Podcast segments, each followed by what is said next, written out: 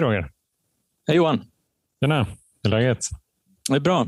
Jag sitter eh, i vår inplastade lägenhet och låtsas att titta ut på vintern som har kommit in.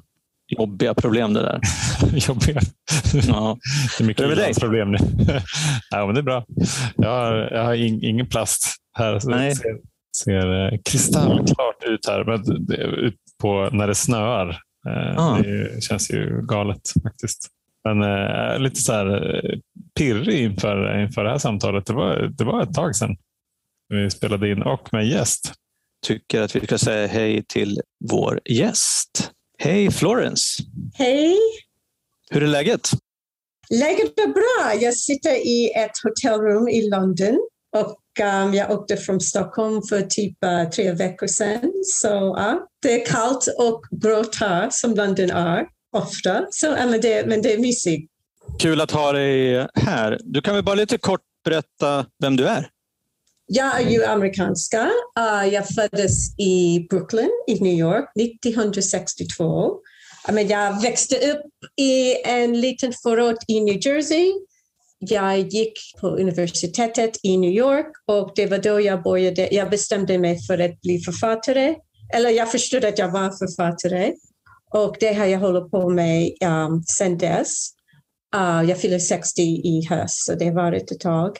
Jag har ingen svensk påbrå alls, men uh, 2010 läste jag Stig Larssons böcker, um, Millennium-trilogin, och jag blev besatt av uh, skandinaviska deckare. Och det var då jag bestämde mig för att uh, skriva mitt, min egen. Så jag åkte till Sverige första gången, det var januari 2013. Och något hände då som jag inte hade förväntat mig, nämligen att när jag um, klev av flygplanet kände jag mig att jag var hemma i Stockholm. Jag tänkte, ah, jag har fel pass, jag ska ha ett svenskt pass. och um, så uh, sen dess har jag åkt regelbundet till Sverige och nu tillbringar jag typ ah, tre månader i Sverige två gånger om året. Uh, jag började plugga svenska januari 2014 och um, jag hade en dröm då. Jag tänkte, oh, en dag skulle jag vilja um, skriva på svenska. Jag gick på må- många, många kurser och uh, I mean, jag, jag gillar svenska. Jag, jag tycker att svenska är ett vackert språk. Så, um, så jag började skriva noveller på svenska för tre år sedan och uh, jag började skriva skräcknoveller. Jag tänkte att, att att testa något helt nytt med ett nytt språk, en ny genre. Och sen tänkte jag, oh, jag önskar att någon skulle översätta den här boken till engelska. Och sen tänkte jag, ah, men det, det är jag som ska göra det. Man tittar ut rummet, runt rummet och så, vem ska göra det? Okej, okay, det är jag. Så för två månader sedan gick jag ut med två böcker, Annikas förråd, en ondskefull novellsamling och också den engelska upplagan Annica's Storage Space, 13 Sinister Stories. Men eh, det är inte bara för att du är amerikanska och skriver skräcknoveller som du är med i Alkispodden, utan du har Ja. ju också själv en resa med missbruk och tillfrisknande. Det stämmer. Um, när jag var 15 år gammal drack jag öl. Det var första gången. Och um, det är lite lustigt eftersom jag var med om en ungdomsgrupp i min kyrka, Presbyterian Church i Mm. Westfield i New Jersey. Och uh, det var en söndagkväll. Vi, vi hade en samling varje söndag kväll och efteråt gick vi till Friendlies, vilket är som, lite som espressohus eller någonting. Och efteråt stod vi i um, parkeringsplatsen och någon hade en öl och det gick runt så jag smutsade, vi alla tog, smutsade, tog en klunk. Men när jag tog min klunk var det som om någonting hände. Det var som wow! Så jag blev besatt av det faktiskt. Och uh, jag kommer ihåg att nästa dag när jag gick till uh, skolan att jag, jag gick fram till han som hade öl. Jag sa, när kan vi göra det igen? Jag tror, uh, det är många som tycker att um, det är någonting, det är typ en allergi. Och um, så var det för mig. Jag, jag drack annorlunda från första början. I mean, det är många som smutsar öl, det är som uh, men jag var som, jag var med. Tyckte du att det smakade gott? Vet du vad? Det, det handlade inte om smaken alls, det var effekten. För mig. Och sen började jag min resa med alkohol. Så jag var en, en sån som under veckodagarna var jag typ en bra elev. Jag jobbade på skoltidningen och så vidare. Men på helgerna var jag helt vild och jag festade jättemycket och jag fick uh, blackouts direkt. Jag hade många, många blackouts. Många säger att det är ett annat tecken att uh, någon har någon allergi eller man har en speciell uh, reaktion till alkohol. Så var det med mig och um, så och grejen är att jag växte upp under 70-talet i USA och det var, typ, det var så vilda då. I mean, det var som hippie generation var fortfarande påverkade allt. Det var disco-era. I mean, det var vilt. Det var, helt, det var ett, en vild mm. tid. Så jag drack jätte, jätte, jättemycket. Um, men jag hade tur och jag testade många droger också. Men någonting hände när jag var um, 77 att jag, jag slutade dricka. Jag hade en upplevelse och så jag har inte uh, druckit sedan dess. Så det Oj. var ja, den 1 januari 1989. Men det som jag måste säga är att då började jag på det som heter the Marijuana Maintenance Program. Så, så jag, Berätta lite om det. Men det är det som är grejen, att det är några som pratar om, eh, det är lite som att byta plats på The Titanic. Det är som om, så jag var inte nykter, det är bara att jag, jag bytt ut mitt ämne. Mm. Så jag kommer ihåg att um, jag började rocka på jättemycket, som jag, som jag inte tyckte om faktiskt. Det var aldrig min grej. Men jag var lite desperat och jag, en annan grej var att jag började äta glass på ett sätt som inte var normalt. I mean, jag, normalt. I mean, jag gillade glass.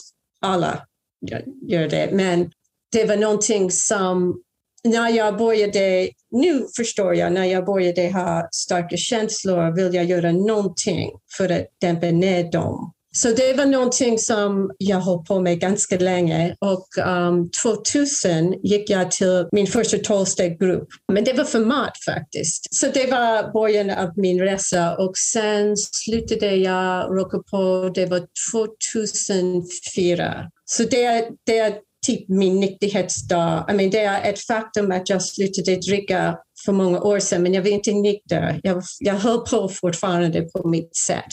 Oj, om två veckor typ um, ska jag ha varit nykter 18 år. Mm. Wow. Grattis! Du, jag, jag har en fråga om det här 1989 då när du, när du bytte plats på Titanic, vilket jag tyckte var jättebra. Tänkte du själv då att du hade gjort eh, en stor förändring genom att du slutade dricka? Alltså, såg du på dig själv som nykter när du hade slutat dricka då? Vet du vad? Nej, eftersom jag hade, jag ska prata om min upplevelse. Det var inte någonting som hade någon koppling med en tolvstegsgrupp. Så jag, jag gick inte, jag, hade, jag läste inga böcker om tolvsteg eller någonting eller till, tillfrisknade. När jag var 25 eller någonting började jag läsa jättemycket om psykologi och jag började tänka jättemycket om min familj och varför jag hade gjort så här, så här mitt beteende. Så jag tänker så här att min, min förnuftiga sida började bli starkare och starkare. Så trots att jag drack fortfarande började jag förstå, I mean, det här är inte bra. Det har, det har inte varit bra sedan början när jag började dricka. Så sen för, försökte jag att dricka mindre. Det funkade lite.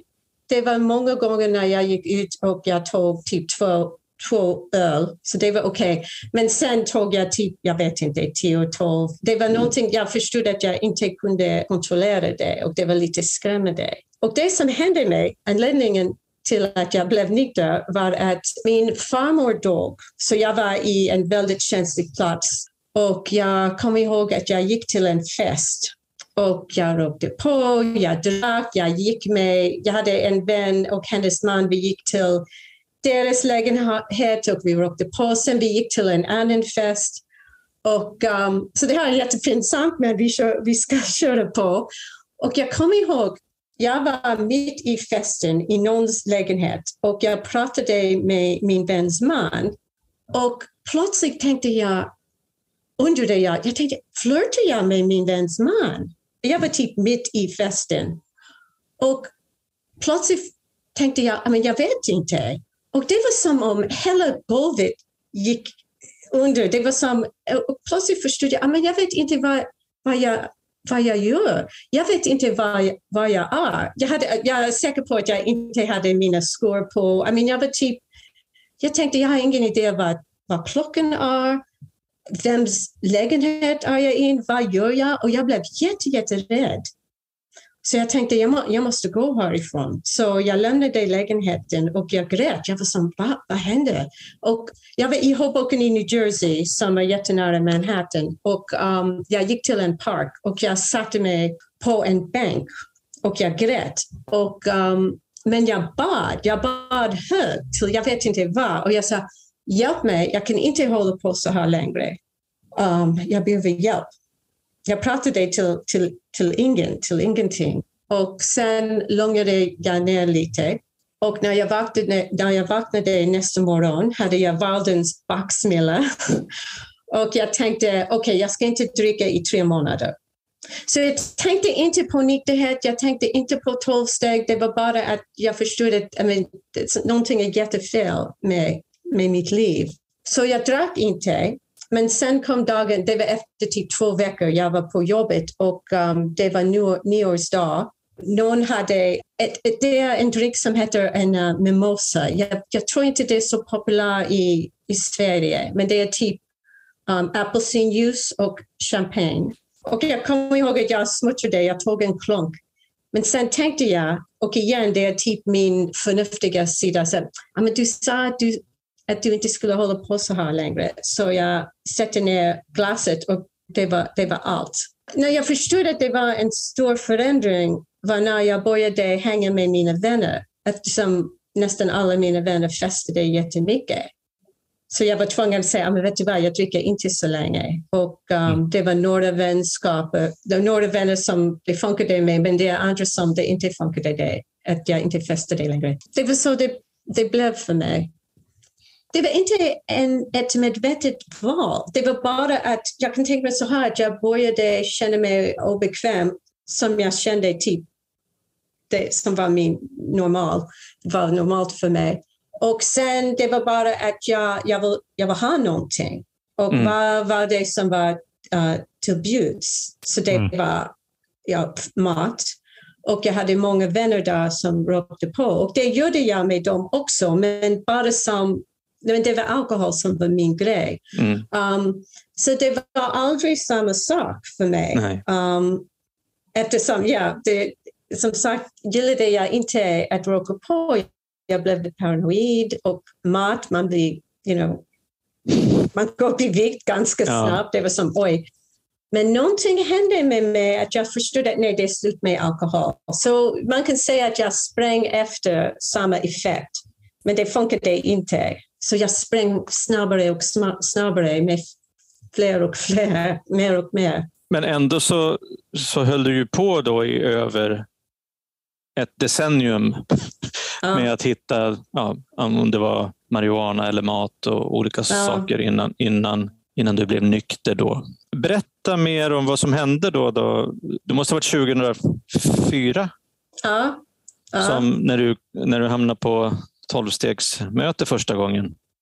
Ja, men det, var, uh, det var 2000. Det var 2004 när jag slutade rocka på. Så det var, jag började förstå, jag hade förstått det, men jag började bli mer och mer medveten om att sättet som jag åt inte var normalt.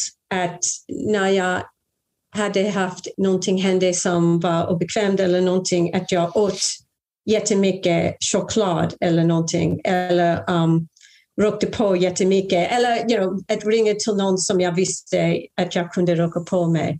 Så jag hade ett samtal med en vän och det var hon som sa till mig, vet du vad, kanske att det är en bra idé att gå på ett tolvsemester. Så jag gick med henne och vet du vad, det var, det var faktiskt CODA, Codependent Relationship. Så hon gick till tolvstegsgrupp, men det var CODA.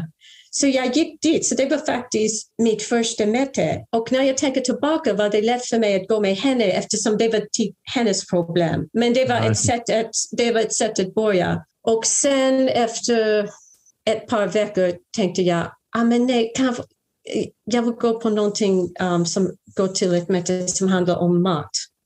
Mm. Så jag gick till många um, möten som handlade om mat och jag också gick till um, möten som handlade om um, marijuana också. När du var på det där första kodamötet där, vad tänkte du då? Jag tänkte att det var underbart att folk kunde prata så öppet om uh, sina problem och att folk pratade utan skam. Och en sak som jag kommer ihåg från mitt första möte om matmissbruk var att någon sa, I mean, de pratade om abstinens, de pratade inte så mycket om nykterhet, om abstinens. Deras första mm. steg för att äta normalt var att inte ta mat från um, soptunnan. Så mm. till exempel, de hade köpt en tårta, de åt många, mycket, många bitar. Sen tänkte nej, de slängde tårtan och sen efter en halvtimme gick de tillbaka för att ta fram tårtan och äta. Och jag kommer ihåg att jag var chockad. Jag tänkte, kan man prata om sådana saker här? Och alla, alla i mötet var helt blasé. Alla var som, mm -hmm, yep, mm. okej. Okay. Så det var befriande. Jag mm. tänkte man kan säga vad som helst här. Det kan ju slå mig fortfarande faktiskt. Ja, men jag tror så här, hur viktigt det är att vi får möjlighet att prata om det som vi behöver prata om. Och hur, ja. hur få andra forum det är som i alla fall många av oss känner att man kan dela om det där som kanske är eh, pinsamt eller jobbigt eller skamfullt ja. i andra sammanhang. I mean, jag håller med dig. I mean, en del av det hela är att prata om ens beteende, men det är också att prata om ens känslor. Så för mig, skillnaden var att tidigare hade jag en stark känsla. Glädje, sorg, skam, vad som helst. Och jag gick direkt till något ämne. Jag gick direkt till alkohol, att råka på mat. Men mm. när jag började gå på möten var det som om det fanns lite utrymme. Mm. Det som, I mean, du kunde, du, att man, man kan gå på ett möte, man kan ringa någon. Det började bli... Jag började känna att oh, jag har haft ett val hela tiden. Mm. Du vet, det är någonting med um, um, compulsion. Att, mm. Men det det som hände. Det var som nej, men om istället för att tänka någonting hände idag på jobbet som var jättedåligt, jag ska gå och köpa öl efteråt. Det är som nej, jag ska gå på ett möte, jag ska ringa någon, Mm. Jag ska gå på en promenad. Det, jag såg att det fanns andra sätt för att hantera mina känslor. Ja, det var en aha-upplevelse. Har, du, har det varit liksom lättare, svårare för dig att hantera positiva känslor eller negativa känslor? Och det är en bra fråga. I mean, det, det har blivit lättare uh, att hantera negativa känslor. Men ibland när jag är glad eller om någonting bra händer det kan bli att jag gör lite självsabotering. Det är lite, som, det, det är lite svårt att hantera det. Mm. Så det är bra också att man kan dela positiva saker som händer också. När man tänker på okej, okay, någonting bra har hänt, man måste festa, man måste fira. Exakt. Och man firar med alkohol, man firar med mat, man firar med droger. I mean, så, det är som, ja. så vad det, hur kan man fira man kan gå på en typ lyxfika eller någonting istället mm. för det. Man kan använda mat på ett bra sätt. På, jag kan ja. känna också det där att, att just de här vanliga känslorna eller händelserna, det är liksom för lite. Ja. Jaha. Ja. Ja, ja. ja, absolut. Och jag har hört folk säga att det är att vara um, en missbrukare, det är en, en sjukdom av mer. Man vill ha mer hela tiden ja. och man förstår inte att man kan sluta, man vill inte sluta. Jag var så när jag var ung, så för mig kan jag tänka mig att okay, så mamma köpte um, kex eller någonting och jag kommer ihåg att uh, min syrra åt typ två. Och jag var så nej, jag vill ha, om, om, två mår, om man mår bra av två, hur kommer man att må om om man känner om man äter typ fem. Mm. Det har alltid varit så. Lite Precis. socker man känner sig bra, men, eller lite uppiggad, men det är som, ja, så jag har alltid varit så. Jag var med hela tiden. Jag och Johan har ju en, en gemensam vän i programmet som berättar om, som jag tycker är en jättebra eh, definition av en alkoholist i det här fallet. Att när han häller upp ett glas vin, då tänker han på nästa glas. Ja, precis. Och det är någonstans essensen av en missbrukare. Att inte ens kunna vara i den, eh, det glaset eller den, den jointen eller den fixen som man är, har just nu framför sig utan tänka liksom ett steg till. Precis, och det är det som är så intressant. Vi pratar om att, att tänka. Det är någonting som var en annan aha-upplevelse för mig, att förstå att det var att vara alkoholist, det är ett sätt att tänka. Och det är just det som du har beskrivit. Så att, att man vill ha med, att man tänker, när ska det här sluta? så ja, jag håller med dig. Men du, jag funderade på en sak under den här perioden som du, innan du blev nykter, jobbade du som, eh, var du författare då? Ja, så jag var författare hela tiden. Um, så när jag var på universitetet, det var då bestämde jag mig för att bli författare. Och att, uh, I mean, jag visste att jag måste ha något jobb för att försörja mig. Men jag tänkte att jag ska hålla på på morgonen att skriva. Så jag har skrivit uh, regelbundet sedan jag var 22 år gammal.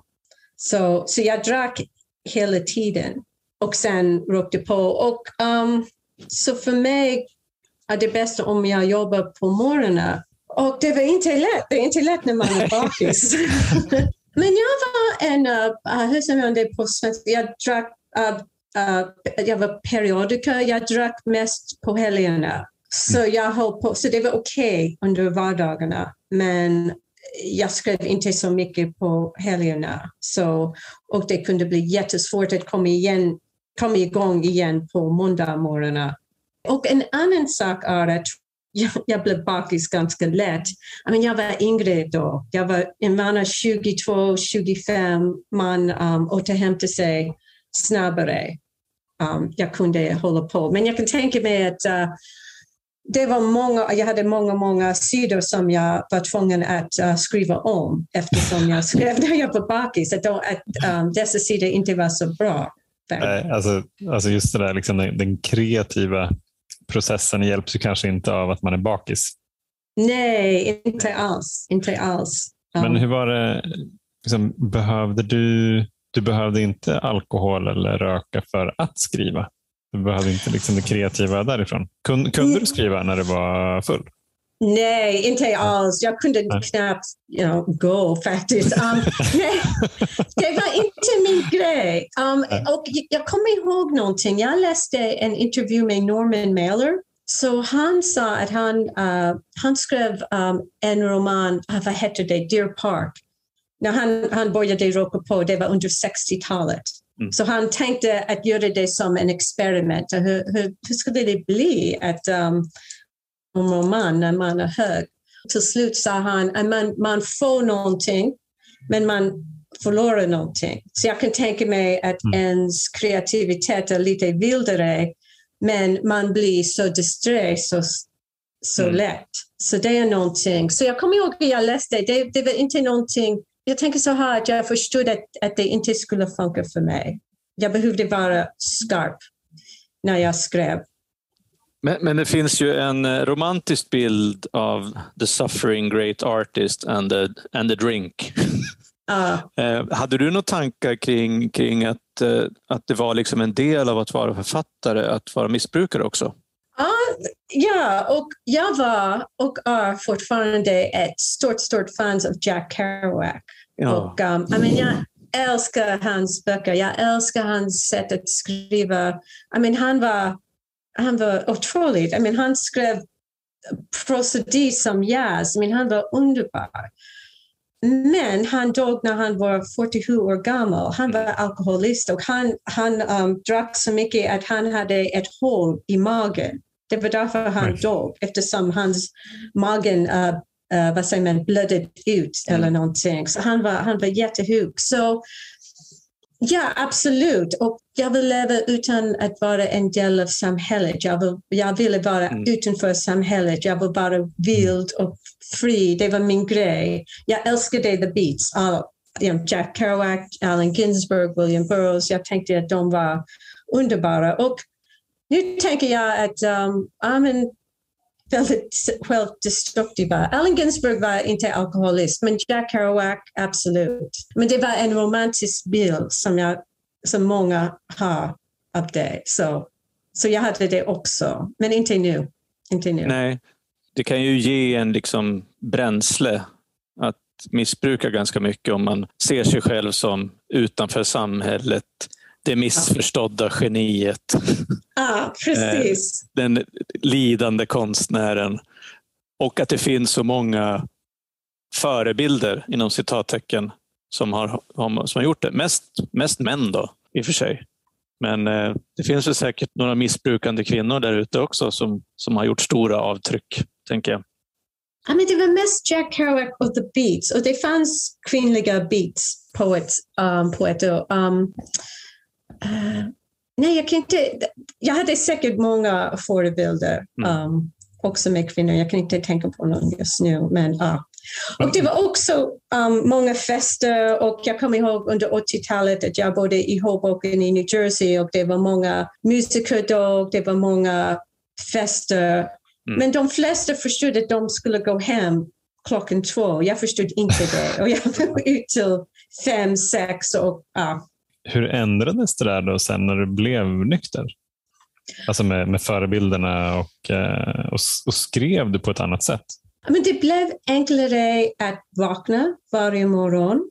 Jag, jag slutade uh, umgås med folk som rökte på och som drack jättemycket. Så det hjälpte också. Jag förstod att, uh, att det inte var bra för mig. Så det var lite sorgligt. Jag hade många, I mean, det, var många alkoholister som har upplevt det, att uh, I mean, jag, jag måste ändra mina vänner. Så det gjorde jag. Så det, så det blev lättare faktiskt. Och jag förstod att um, det inte var så glamoröst faktiskt det är glamoröst när man läser en bok om det, men när man är på en fest och folk uh, beter sig på ett sätt som är jättesjälvdestruktivt, det är inte så glamoröst alls.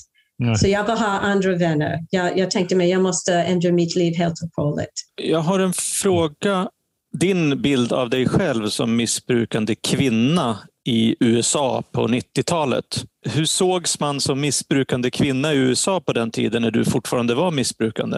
Men jag tänker så, så jag drack mest när jag var i um, high school, högstadiet och också på universitetet och efteråt. Jag kände skam, men jag kan tänka, tänka mig att en man som drack som jag skulle ha känt skam också. Aha. Men jag tänker att det var mer mammas generation som uh, det var att de flesta kvinnliga alkoholister drack hemma och det var en hemlighet och de mm. hade många flaskor gömda över hela huset. Man, man hör sådana um, historier.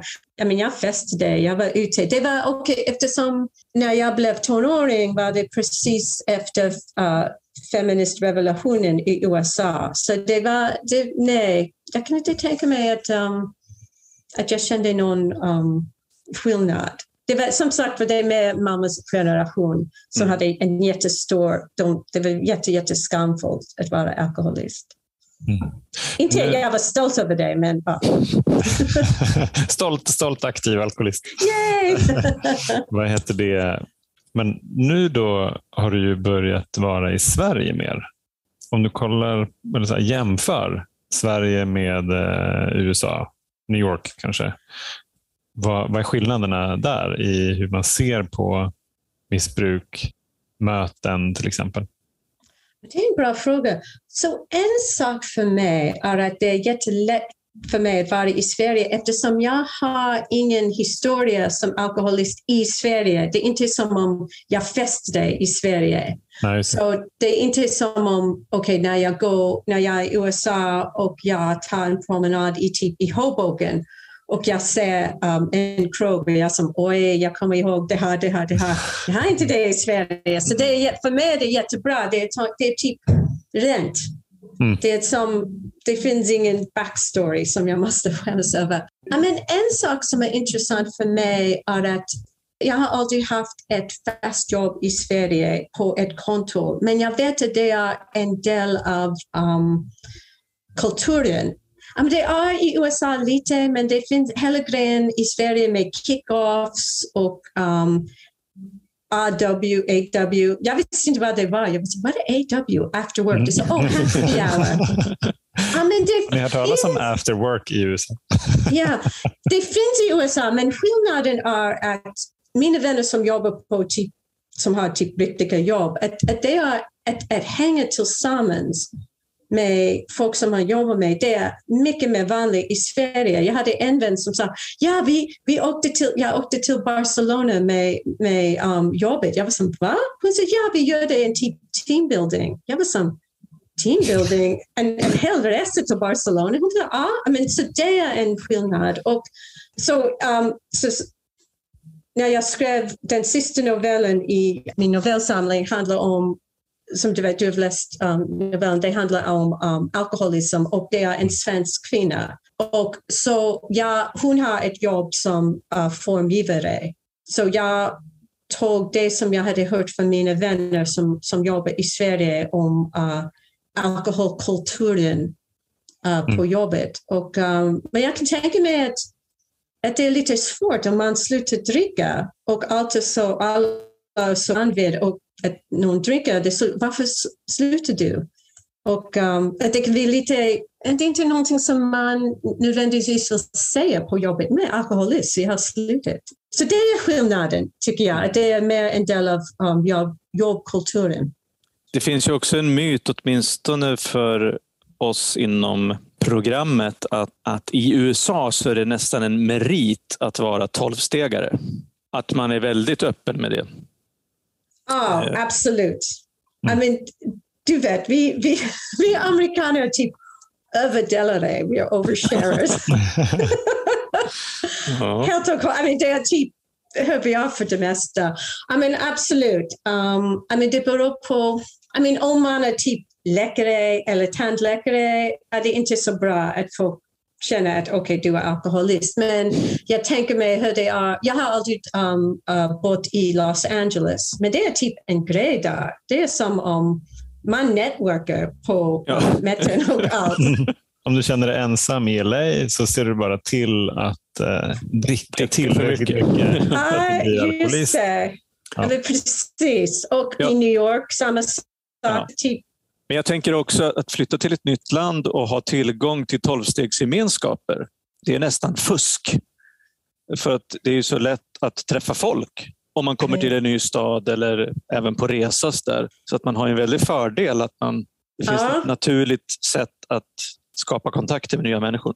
I mean, absolut, det är en underbar bieffekt. Det är som, ah, vad bra, jag har så, jag har så mycket tur att jag är alkoholist eller nykter alkoholist. Mm. Eftersom man träffar folk, ja, som du sa, direkt. Man går på ett möte och alla är så nyfikna. Är det, är det någon här som är ny eller har på mm. besök? Ja, och alla säger yay, vi ska gå på fika efteråt. Så det är jättebra. Det är ett underbart sätt att träffa folk. Och det är I mean, det, det som är så intressant. Hur att vara alkoholist, det är hemskt. I mean, vi, vi vet, det, det är inte bra. Det, det är någonting som är så destruktivt och livet blir så, så litet när man är alkoholist. Men när man blir nykter och går på mäten eller någon slags tolvstegsbehandling, att man plötsligt har en gemenskap och man har en ny familj och man har kontakter och livet blir rikare och rikare.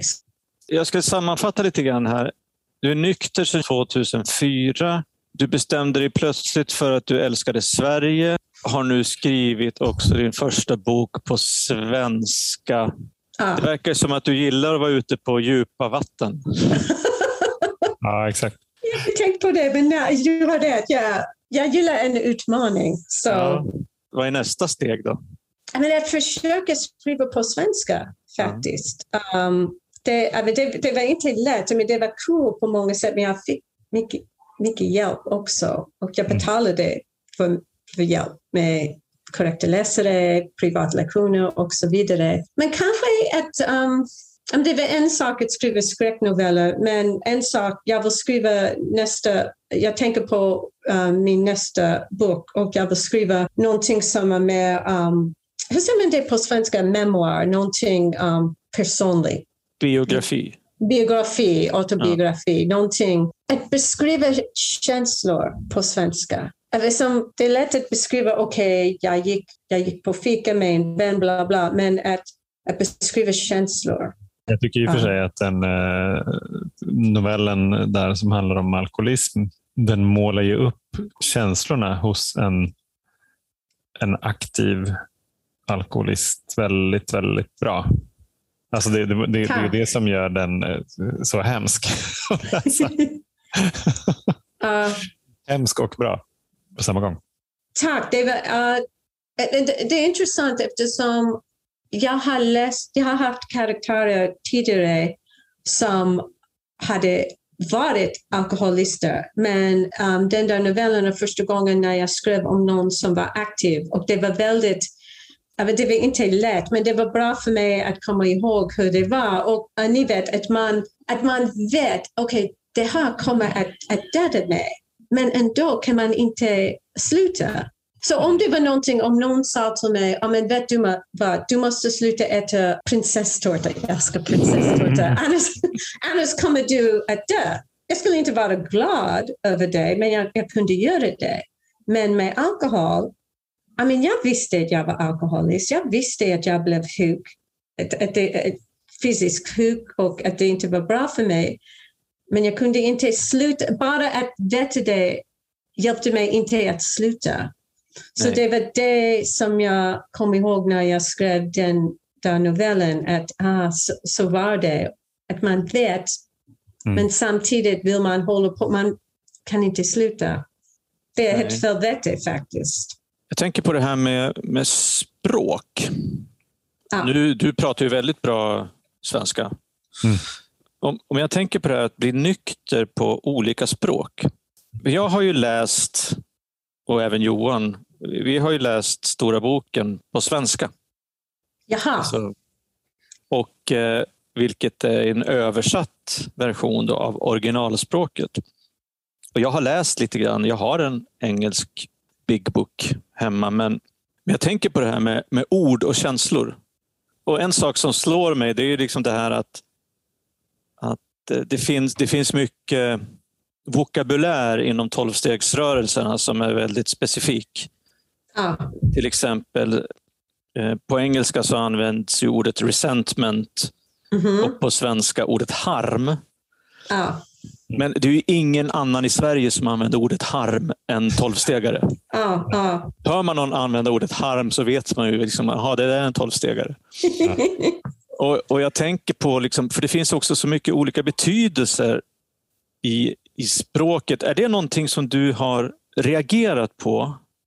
Alltså mellan liksom engelskan och svenskan, att, att det skiljer sig på något vis. Att, att vara på möten eller läsa texter, tolvstegstexter på engelska och svenska? Ja, det är en jättebra fråga. Vet du vad? Det var mer ett sätt att lära mig svenska, att gå på ett möte ja. och att höra texter som jag hade hört eller läst tusen gånger på engelska på svenska. Mm, ja. Jag tänkte, åh, oh, det hur man säger gottgörelse, um, ja. amends uh eller någonting. Så för mig var det intressant. Det var lite som um, Ja, det, det var ett intressant sätt att, att lära ja, mig men svenska. Det är också ett jättebra sätt att lära sig, lära sig ett nytt språk. Men ta, hade... ta stora boken som man ändå kan hyfsat bra. Mm. Precis, och du har rätt med hela grejen med harm. Jag kommer ihåg att jag använde ordet och någon var som, va? Vad sa du?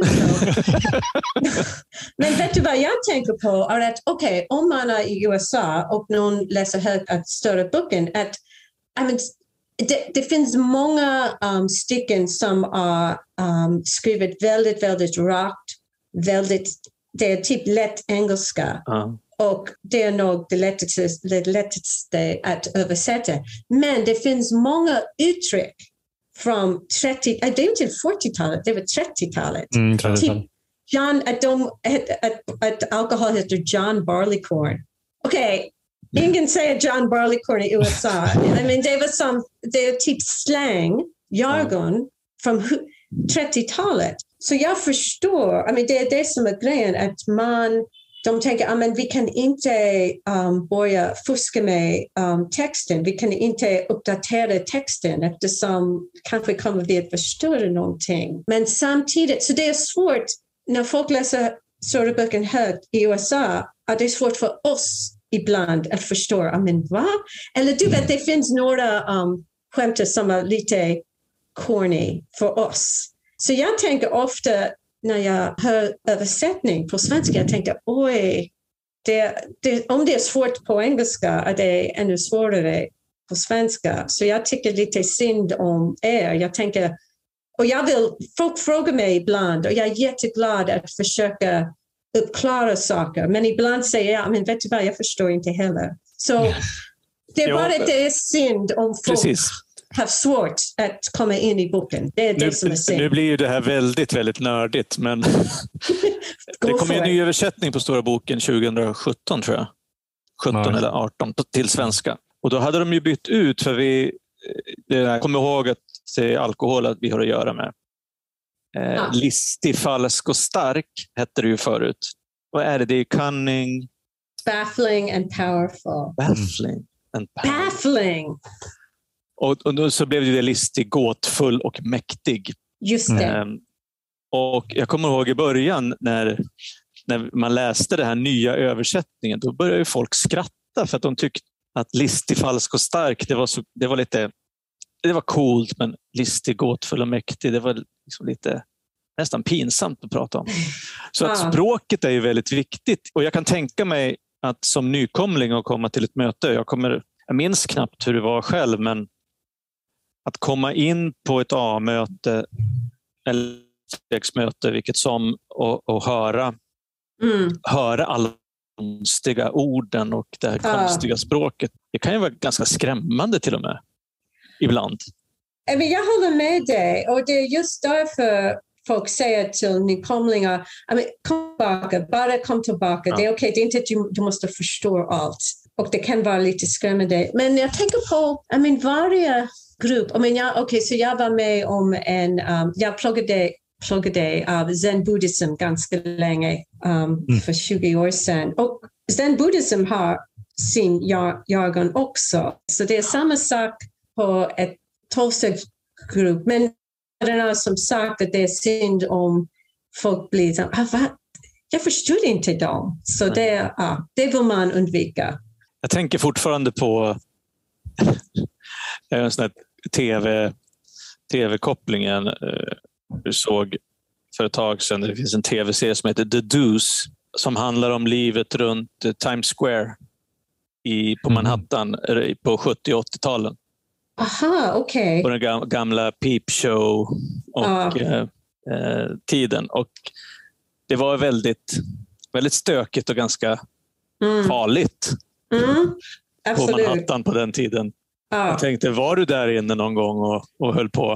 Uh, så som sagt växte jag upp i en förort i New Jersey, men ja. förorten, förorten um, är typ 45 minuter från New York.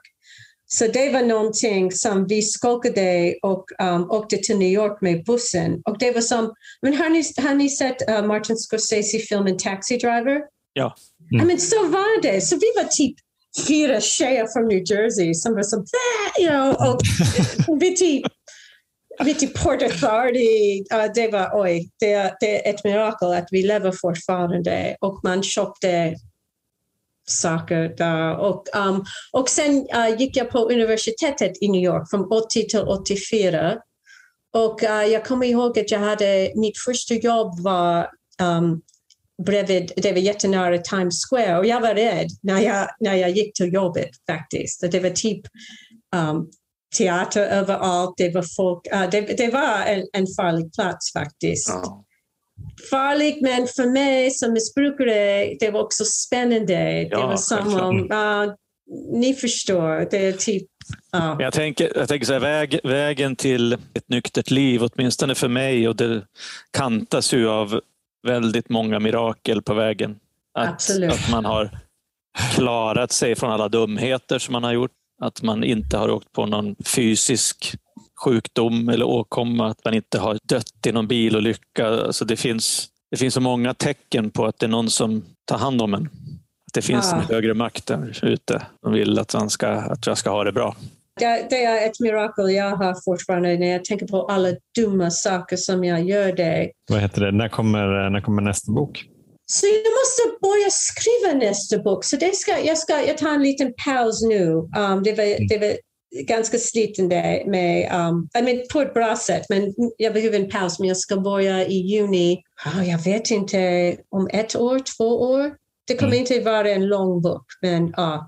Så jag tänker göra samma sak, att skriva på svenska och sen översätta boken till engelska. Så det kommer ta lite tid, men jag, det, det ska inte uh, bli skräck. Kanske ska jag skriva skräck igen någon gång, men att skriva skräcknoveller var någonting, ja, det var bra då, men jag vet, nu ska jag testa något annat. Se om det blir någon eh, missbrukskoppling då? Vet du vad, eftersom jag ska skriva typ auto självbiografi kommer jag att skriva ja, lite mer om det. Och kanske var den novellen ett sätt att uh, börja, att börja um, att våga att mm. skriva. Som sagt var det nästan som jag jag gömde mig bakom alla mina karaktärer som hade slutat dricka utan att prata om hur det var när karaktärerna drack. Så mm. det är lite som jag vågar mer nu. Och folk har varit väldigt positiva när de har pratat med mig om just den där novellen. Också vänner som inte är alkoholister, de sa oh, okej, okay, vi förstod inte hur det var. Att man inte kan låta bli just den där grejen som man måste låta bli. Ty tycker du själv att det är skillnad på hur, hur texterna kommer fram på svenska och på engelska? Din egen bok?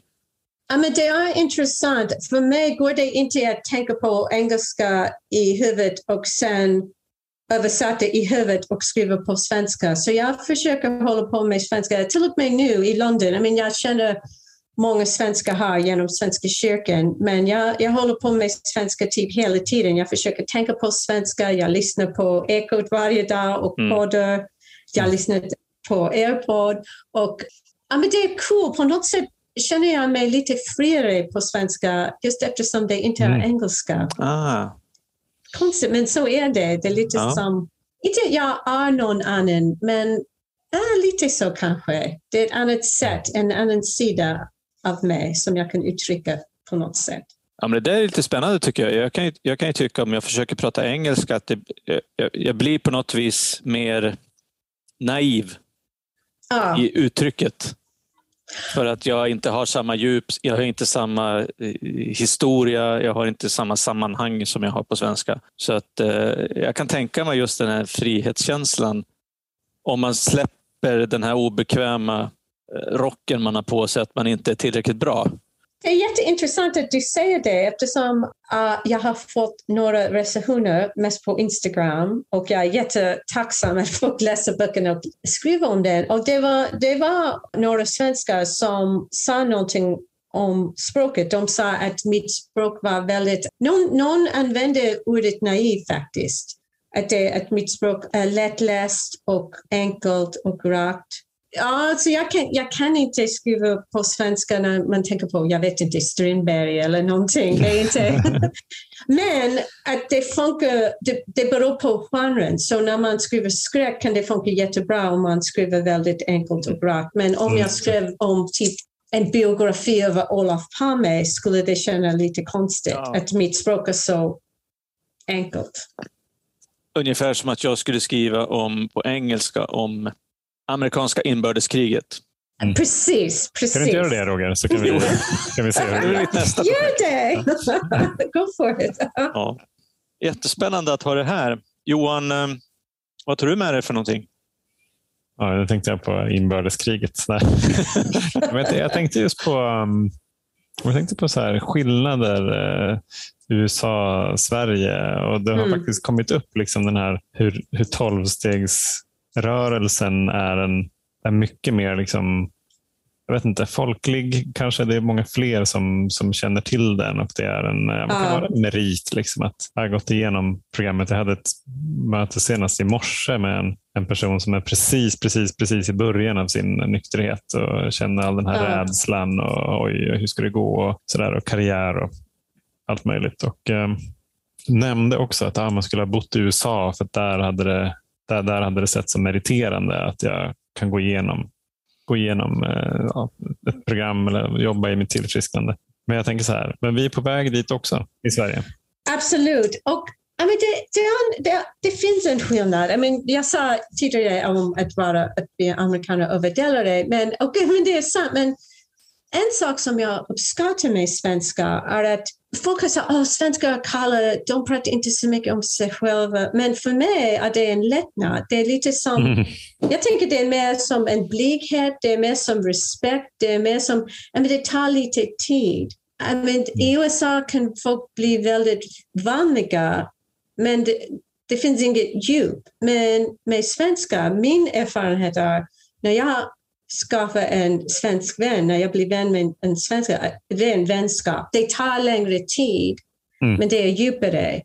Men det är just det som jag kan tänka att det kan vara svårt för svenskar under tolvstegsmöte att dela om sitt mm. liv. I mean, men det är just det som är bra, att det är inte att man måste prata under ett möte eller att man måste avslöja alla sina hemligheter. Men jag kan tänka mig att att det är lite svårare för svenskar. Jag har märkt att svenskar beter sig jättemycket bättre. De är väldigt de är tystare, de lyssnar bättre, de är lite mer... Ah. Så, men jag gillar det. För mig, I mean, vi amerikaner kan vara lite stökiga. Men det, det är charmigt, men ibland inte. Så det, är det um, en lättnad att vara på ett uh, svenskt möte faktiskt. Roger, vad tror du med det? Jag tycker det är väldigt uh skönt på, på ett sätt att prata med, med Florence som ja, men typ är i min ålder, lite äldre, som också liksom har växt upp i en kultur och, i, och liksom ett ställe som inte jag vet jättemycket om hur det är eller hur det var. Jag tycker det är väldigt spännande. Sen så det är intressant det där, att ta med mig det här att liksom byta plats på Titanic. Att liksom skifta byta uh. substans eller byta missbruk och, och, eh, och inse liksom hur lätt det är att förlora sig själv i alla frestelser. Som, uh. som i, min, I min skalle så finns det ju liksom den här jakten på någonting mm -hmm. fortfarande som jag, som jag måste och vill prata om i podden eller på möten och göra stegen och det här för att jag, jag har ju någonting i mig som jag måste hålla liksom i schack som jag måste ja. hantera. För att om inte jag gör det, då blir jag en, en vilde. Då, blir jag, då ska jag on the road.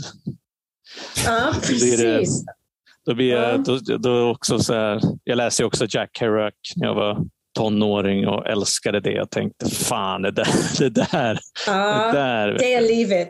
Ja. ja. Och sen så blev det Charles uh, Bukowski och J.D. Salinger och hela den där. Så jag var väldigt mycket inne i det där. Så det, det, det finns ju något vilddjur i en, som kan man ju säga, som man måste hålla i schack. Och det, det är jävligt fascinerande att det ändå lyckats göra det så många år. Det är sant, det är faktiskt ett vilt djur och jag måste, um, I mean, jag måste medge att jag fortfarande har lite svårt med mat då och då. Det kan vara ett sätt för mig.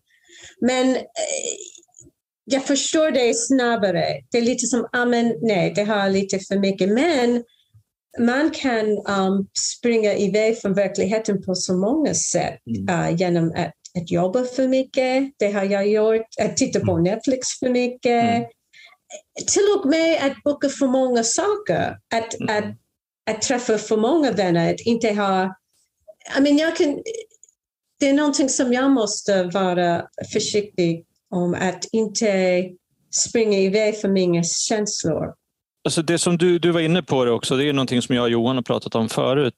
Någonting som tillfrisknandet, en av de viktigaste sakerna som det har gett mig och oss, tycker jag, det är ju den här lilla avståndet. Mm, precis, avståndet. Ifrån eh, att dränka att reaktioner med ja, eh, alkohol eller narkotika eller mat eller sex eller vad det nu är. Men också det här lilla, vi har ju pratat om, vi kallar det för luftslussen. Jaha, att det kan okay. komma in, det kommer in någonting uh. och så stänger man två dörrar och sen får det vara där lite grann innan man släpper in det. Så att, att det finns liksom en liten litet avstånd, en liten paus i, i huvudet idag. Där jag kan faktiskt ja, få lite insikt om att det här är inte så farligt eller du behöver, jag behöver inte agera på det här eller även om jag agerar på någonting så kan jag faktiskt backa och, och okej, okay, det var inte så bra, jag får be om ursäkt och så vidare. Och den distansen, den fanns ju absolut inte när jag drack. Då var ju allting väldigt liksom nära och så att det har också varit eh, väldigt intressant att prata om idag. Då, då fanns det inte ens en vetskap om att det skulle kunna finnas en distans. Nej, exakt. Mm, alltså, då, var det, då var det samma sak. Allting var intuitivt. En känsla, handling. Som Ja. Florence, vad, vad, vad, vad skulle du vilja skicka med till lyssnarna? Att det finns hopp.